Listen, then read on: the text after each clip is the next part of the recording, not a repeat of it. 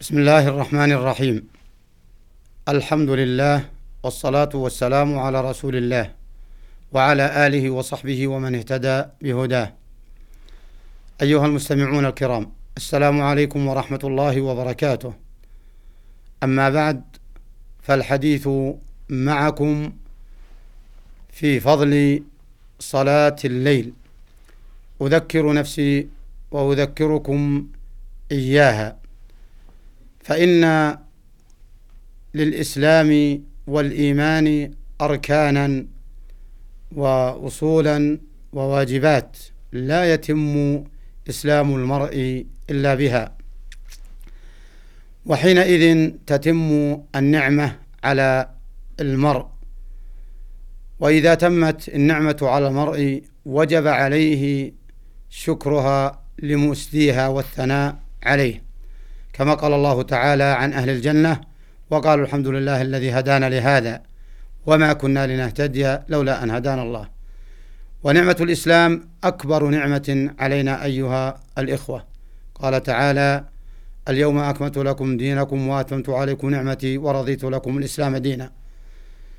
وقال تعالى إن تكفروا فإن الله غني عنكم ولا يرضى لعباده الكفر وإن تشكروا يرضه لكم.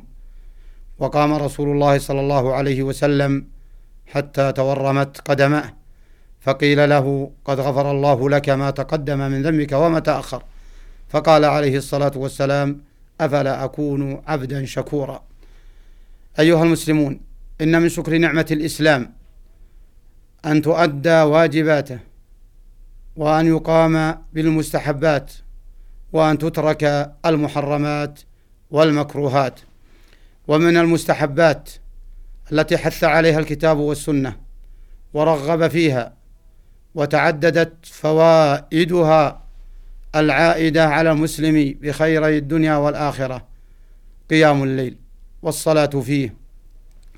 فإن الله جل وعلا أمر نبيه بذلك بقوله يا أيها المزمل قم الليل إلا قليلا. ولصلاة الليل أدلة كثيرة تدل على فضلها وتدل على ثمراتها ونتائجها. فمن ذلكم أن الله وصف القائمين بالليل بأنهم من المتقين المستحقين للجنة. قال تعالى إن المتقين في جنات وعيون آخذين ما آتاهم ربهم إنهم كانوا قبل ذلك محسنين. كانوا قليلا من الليل ما يهجعون. وجاء في تفسير هذه الآية أنهم يقتطعون جزءا من الليل للصلاة فيه. وجعل الله الاستغفار آخر الليل لأنها تشتمل عليه الصلاة أو لأنهم يختتمون صلاتهم بها كما قال تعالى في وصف المتقين في سورة آل عمران الصابرين والصادقين والقانتين والمستغفرين بالأسحار. ولقد أعد الله جل وعلا منازل خاصة لأهل قيام الليل في الجنة. فهذا مما يحفز المسلم على قيام الليل. قال صلى الله عليه وسلم إن في الجنة غرفا يرى باطنها من ظاهرها وظاهرها من باطنها. فقال أبو موسى الأشعري رضي الله تعالى عنه لمن يا رسول الله؟ قال لمن ألان الكلام وأطعم الطعام وصلى بالليل والناس نيام. وجعل رسول الله صلى الله عليه وسلم مرتبة صلاة الليل في الثانية بعد الفريضة.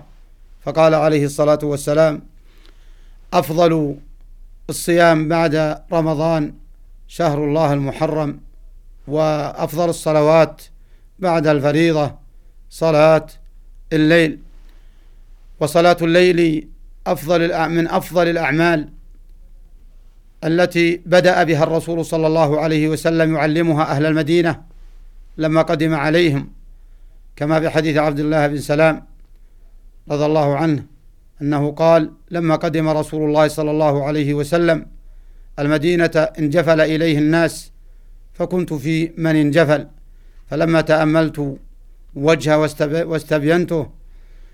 عرفت أن وجهه ليس بوجه كذاب. فقال أيها الناس أفشوا السلام وأطعموا الطعام وصلوا الأرحام وصلوا بالليل والناس نيام تدخل الجنة بسلام. وجعل رسول الله صلى الله عليه وسلم صلاة الليل سببا لدخول الجنة بأمان وسلام. كما قال أبو هريرة رضي الله عنه قال قلت يا رسول الله إني إذا رأيت وجهك طابت نفسي وقرت عيني أنبئني عن كل شيء.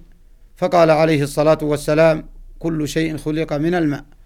فقلت يا رسول الله أخبرني بعمل يدخلني الجنة إذا عملته.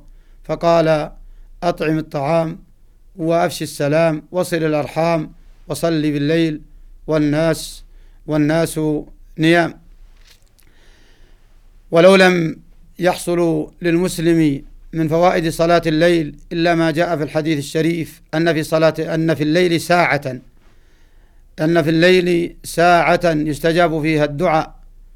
فقال عليه الصلاة والسلام إن في الليل ساعة لا يوافقها امرؤ مسلم يدعو الله آه، خيرا من أمر الدنيا والآخرة إلا أعطي إياه.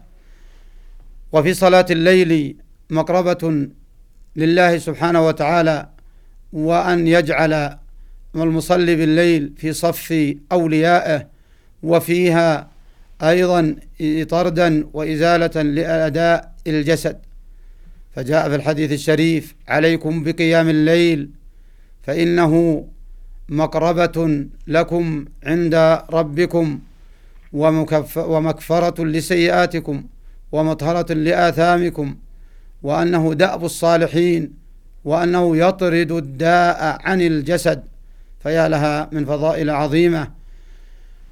ومن ما جاء في صلاة الليل أن الرسول عليه الصلاة والسلام دعا لمن قام في الليل يصلي برحمة الله. فقال عليه الصلاة والسلام رحم الله امرأ قام من الليل فصلى ثم أيقظ أهله فإذا أبت أن تقوم نضح في وجهها الماء ورحم الله امرأة قامت من الليل فصلت ثم أيقظت زوجها فإذا أبى نضح في نضحت في وجهه الماء وجعل الرسول عليه الصلاة والسلام من قام من الليل في عداد الذاكرين والذاكرات. ولو لم يأتي من صلاة الليل إلا أن المسلم يزيل عنه سلطة الشيطان وقهره وفك عقده. ففي الحديث الشريف يعقد الشيطان على قافية أحدكم إذا هو نام ثلاث عقد. يضرب يده في كل عقدة. عليك ليل طويل فارقد. فإذا قام المسلم فذكر الله انحلت عقده. فإذا توضأ انحلت الأخرى فإذا توضأ انحلت فإذا صلى انحلت العقدة الثالثة فإذا انحلت عقده كلها. فأصبح طيب النفس طيب النفس نشيطا وإلا أصبح خبيث النفس كسلانا. وجاء في الحديث الشريف أن آه، صلاة الليل تطفئ الخطيئة كما يطفئ الماء النار. فعن معاذ بن جبل رضي الله تعالى عنه قال قلت يا رسول الله أخبرني بعمل يدخلني الجنة ويباعدني عن النار. فقال عليه الصلاة والسلام لقد سألت عن عظيم وإنه ليسير على من يسره الله عليه. تعبد الله ولا تشرك به شيئا وتقيم الصلاة وتؤتي الزكاة وتصوم رمضان وتحج البيت وتحج البيت. ثم قال عليه الصلاة والسلام لمعاذ ألا أخبرك أو ألا أدلك على أبواب الخير؟ فقال معاذ بلى يا رسول الله. قال الصوم جنة والصدقة تطفئ الخطيئة كما يطفئ الماء النار وصلاة الرجل في جوف الليل. يعني أن صلاة الرجل في جوف الليل تطفئ الخطيئة كما تطفئها الصدقة ثم تلا قوله صلى الله قوله تعالى تتجافى جنوبهم عن المضاجع يدعون ربهم خوفا وطمعا ومما رزقناهم ينفقون. وتزيد ليالي رمضان أيها المسلمون بالتراويح فإنها فضيلة. فلقد قام الرسول صلى الله عليه وسلم بالصحابة فحتى آخر الشهر ثم ترك ذلك مخافة أن تفرض عليهم. وقال عليه الصلاة والسلام من قام رمضان إيمانا واحتسابا غفر له ما تقدم من ذنبه. وفي الحديث الآخر إن الله فرض عليكم صيام نهار رمضان وسننت آه، لكم قيامه فالتراويح تشرع فيها الجماعة وسائر التهجدات في الليل لا تشرع فيها الجماعة. فإذا هي تزيد في ليالي رمضان على فضل سائر التهجد ففيها فضل عظيم وخصوصا مع الجماعة كما في الحديث الشريف من صلى مع الإمام حتى ينصرف كتب الله له قيام آه، ليله. فأوصيكم ونفسي أيها الإخوة الكرام بأن نتعاهد على قيام شيء من الليل ولا تفوتنا هذه الخيرات ونحن على ونحن باستطاعة لها. نسأل الله الكريم رب العرش العظيم أن يتولى الجميع برحمته وأن يفتح لنا أبواب فضله وأن يعيذنا من شر أنفسنا وشر الشياطين وأن يتقبل من الجميع الصيام والقيام. وصلى الله وسلم على نبينا محمد وعلى آله وصحبه أجمعين.